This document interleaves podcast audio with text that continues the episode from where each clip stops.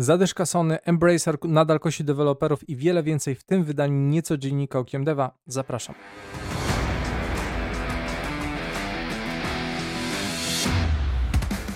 Witam serdecznie, nazywam się Grzegorz Wątroba, to mój kanał Okiem Deva w dzisiejszym niecodzienniku, czyli nieregularnym podsumowaniu najświeższych wiadomości ze świata gier. Mamy sporo ciekawych informacji, więc zaczynamy.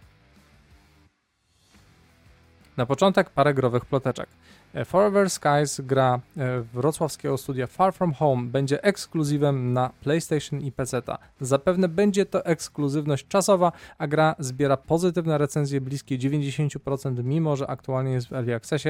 Także gratulacje tutaj dla ekipy. Mam nadzieję, że to tylko będzie z jeszcze większym sukcesem dla nich.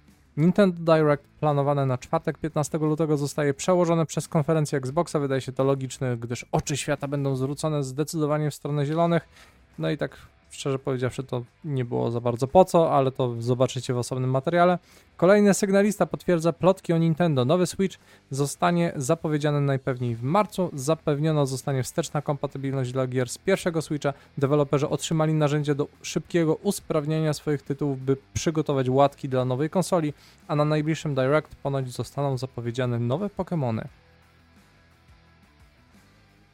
Dawno nie było zwolnień w branży, prawda? Przejdźmy więc przez najnowszą serię. Blackbird Interactive, twórca nadchodzącego Homeworld 3, po raz kolejny przeprowadza edukcję etatów, tym razem zwalniając 41 osób.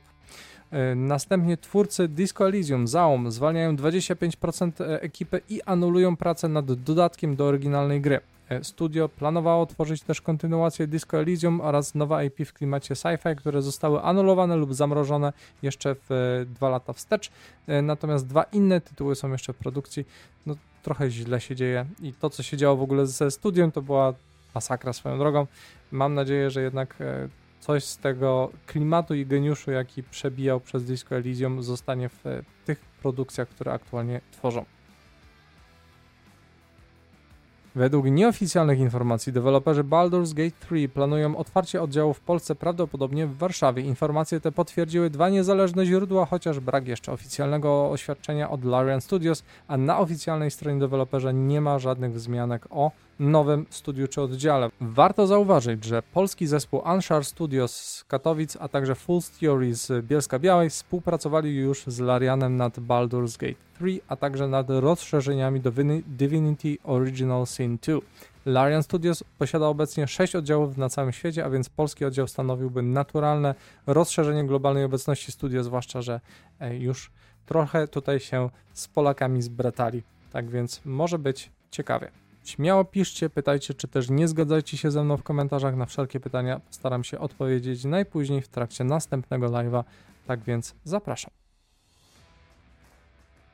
Po wyrażeniu przez fanów obaw dotyczących grafiki w demie Final Fantasy VII Rebirth, e, Square Enix zapewniło, że finalna wersja gry będzie wyglądać lepiej. Demo, które ukazało się na początku miesiąca, spotkało się z mieszanymi reakcjami odnośnie warstwy wizualnej, jednak japońskie konto e, Final Fantasy VII Rebirth na Twitterze poinformowało, że trwają prace nad aktualizacją dema mającą na celu poprawę jakości obrazu w trybie e, performance, tak, bo tam było kiepsko, jeżeli chodzi o niektóre wizualia. Ta poprawa będzie dotyczyć też oczywiście finalnej wersji gry.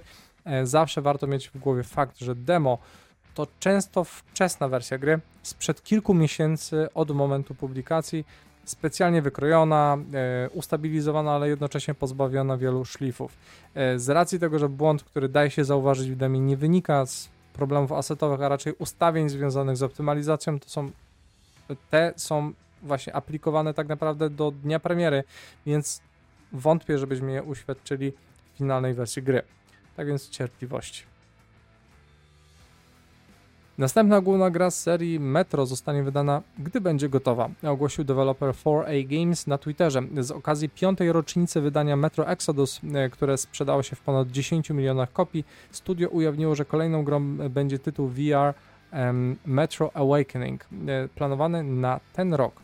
Ponadto zasugerowano następną główną odsłonę serii, nie podając konkretnej daty, ale wskazując, że może ukazać się w tej dekadzie, dlatego bo tam widać było 202 e, i ostatnią cyfrę zamazaną, czyli sami jeszcze do końca nie wiedzą, kiedy ją wydadzą.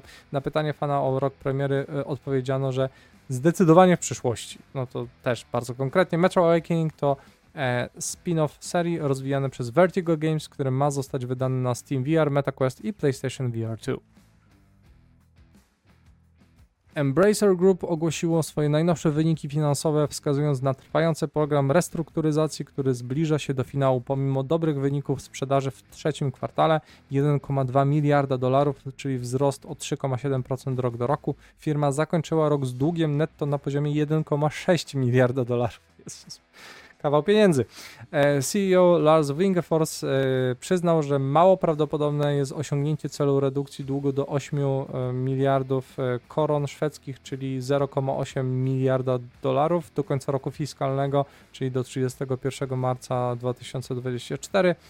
Program restrukturyzacji skupia się na możliwych zbyciach części firmy lub konsolidacji zespołów. Pomimo trudności Wingefors wskazuje na pewne zbycia, które mogą znacznie zmniejszyć dług w następnym roku finansowym. Od czerwca zwolniono 1387 osób, co stanowi 8% globalnej siły roboczej grupy, a liczba projektów gier została zredukowana z 224 do 179. Embracer planuje kontynuować wydanie gier jakby third party, ale też będzie bardziej selektywne, koncentrując się na ugrutowanych własnych e, bądź znanych IP studiach. Y, pomimo spadku sprzedaży gier PC i konsolowych o 9% rok do roku, firma jest optymistyczna co do czwartego kwartału z nadchodzącymi premierami, chociażby Tomb Raider 1, 2, 3 Remastered i Homeworld 3. Jeżeli chcecie docenić moją działalność, zapraszam do Bajkofitu, wsparcie przez super podziękowanie, super czaty lub zapisanie się do regularnego programu wsparcia na YouTube bądź Spotify, co da Wam dodatkową zawartość. Linki znajdziecie na górze opisu. Dziękuję też wszystkim wspierającym, których widzicie teraz na ekranie. Rok 2024 rozpoczął się wyjątkowo dobrze dla gier survivalowych.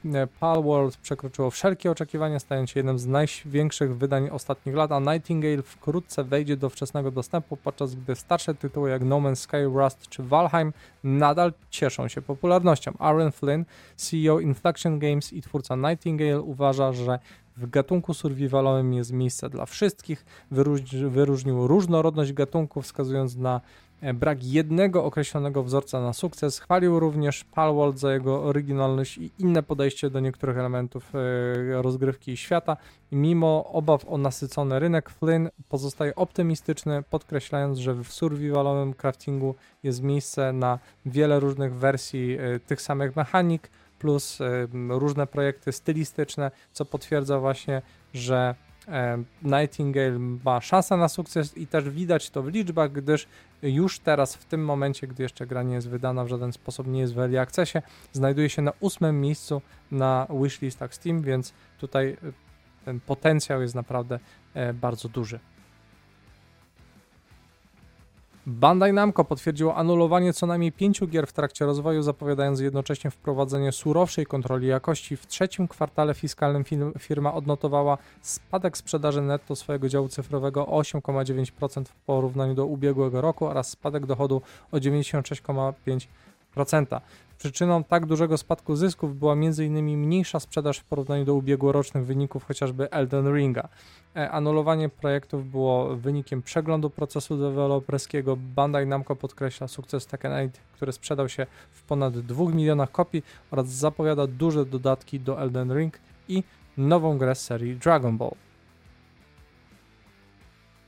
Studio Flying Wild Hawk, znane z serii Shadow Warrior i Space Punks, uzwiązkowiło się pod szyldem Polskiego Związku Pracowników Gier Wideo Inicjatywy Pracowniczej, stając się trzecim związanym studiem w Polsce i pierwszym należącym do Embracer Group, które podjęło takie działanie. Związek reprezentuje pracowników również CD Projekt Red i 11-bit Studios. Unia zyskuje na popularności w branży gier, jako sposób na walkę o lepsze warunki bytowe w obliczu zwolnień, zmniejszenia finansowania i stagnacji płac.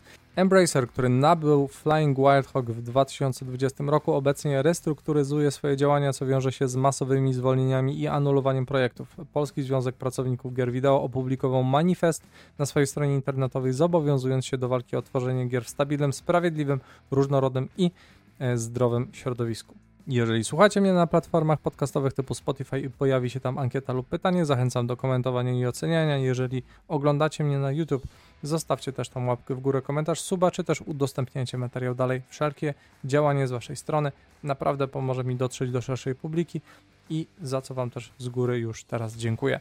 Przekażcie też chociaż trochę miłości dla Łukasza i Izy, którzy montują i tworzą grafiki, by upiększać moje nagrania.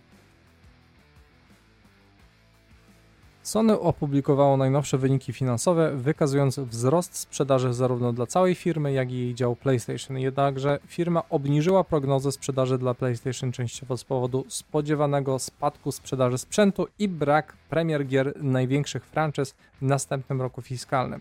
W ciągu 9 miesięcy zakończonych 31 grudnia 2023 sprzedaż wyniosła 63,3 e, miliarda dolarów, czyli wzrost 20%, a dochód operacyjny o 6,5 miliarda dolarów. Dział gier i usług sieciowych odnotował sprzedaż w wysokości 21,2 miliarda, czyli wzrost 23% i spadek dochodu operacyjnego o 12%, czyli do 1,2 miliarda. Sony e, wysłało 8,2 miliona jednostek PlayStation 5 w trzecim kwartale, zwiększając całkowitą liczbę e, sprzedaży w 2023 E, do 22,7 miliona. Liczba aktywnych użytkowników PlayStation Network wzrosła do 123 milionów, czyli póki co wszystko dobrze. E, w trzecim kwartale sprzedano 89,7 miliona pełnych gier, z czego 16,2 miliona to były tytuły first party. E, Hiroki Totoki, prezes Sony, poinformował, że do kwietnia 2025 nie pojawią się nowe tytuły z ugruntowanych franczyz. Sony przewiduje e, spadek sprzedaży sprzętu w następnym roku fiskalnym, obniżyło prognozy sprzedaży na obecny rok finansowy do 27,5 e, miliarda dolarów, co stanowi 14% poprawę w porównaniu z poprzednim rokiem fiskalnym. Dochód operacyjny ma pozostać na poziomie około, około 1,8 miliarda dolarów, e, czyli i tak to jest wzrost 8% rok do roku, czajcie, czyli oni i tak mają w planach to, że będzie gorzej, ale nadal będzie lepiej niż w poprzednim roku. No po prostu biedni, no. E, sprzedaż cyfrowych gier i dodatków wzrosła o 23%, a przychody z usług sieciowych o 12%. E, prezes Sony ogłosił również, że grupa nie wyda żadnych nowych głównych tytułów istniejących franczyz właśnie, czyli tych ugruntowanych w następnym roku fiskalnym, czyli do 31 marca 2025, czyli będziemy mieć teoretycznie rok posłuchy, ale nie do końca, bo to po prostu oznacza, że nie zobaczymy nowego Godowora, Spidermana czy e, Death Stranding do drugiej połowy, no tak naprawdę do końca kwartału przyszłego, e, pierwszego e, kwartału przyszłego roku. To taki podkreślił zamiar skupienia się na produkcji wysokiej jakości gier i rozwijaniu tytułów live service, czyli kontynuacja tak naprawdę mm, polityki Ryana, tak byłego prezesa PlayStation. Sony spodziewa się lekkiego spadku zysków z gier first party i lekkiego wzrostu dochodu operacyjnego w przyszłym roku i e, PS5 według prezesa wchodzi w drugą połowę cyklu życia konsoli z planami optymalizacji sprzedaży z większym naciskiem na zyski. Czyli taniej produkować, drożej sprzedawać. Tak? E, firma nie osiągnie celu 25 milionów konsol w obecnym roku fiskalnym, przewiduje stopniowy spadek sprzedaży jednostek PS5 do następnego roku fiskalnego. No bo jak nie będą wydawali dużych tytułów, to to nie, nie przyciągnie nowych graczy, to jest też swoją drogą. A gry live service też będą działały zazwyczaj na PC, więc to też nie będzie tak e, motywujące do tego, żeby kupować znacznie więcej konsol. Sony rozpoczęło oferowanie pierwszych znaczących zniżek na PS5 Slim od czasu premiery nowego modelu w listopadzie. Podczas sesji Q&A po ogłoszeniu wyników finansowych e, Totoki wyraził chęć agresywnego podejścia do poprawy marż zysków w dziale gier, częściowo przez większe skupienie się na przenoszeniu gier first party na PC. Czyli będziemy mieć rok portów Prezes Sony wyraził swoje wczesne wrażenia po bezpośredniej współpracy z działem gier, wskazując, że studia mogą poprawić swoje podejście do biznesu. Totoki, odwiedzając studia i uczestnicząc w spotkaniach zarządów, dostrzegł motywację i kreatywność pracowników, ale zauważył również miejsce na poprawę w zarządzaniu finansami i planowaniu harmonogramów rozwoju, aby osiągnąć cele wzrostowe firmy, czyli optymalizacja produkcji, żeby nie przepalać, ale z drugiej strony nie wiadomo, czy to nie będzie oznaczało zwolnień. Także tutaj nie wiadomo. E, czyli generalnie e, żadnych dużych, znanych serii przez najbliższy rok. Dużo gier usług, brak dużych promocji na sprzęt, pomijając ustalone już na pewnym etapie e, obniżki ostatnich wersji sprzętu, tak żeby zachęcić jeszcze do sprzedaży, ale jednocześnie, żeby nie dopłacać za dużo bądź w ogóle do konsol.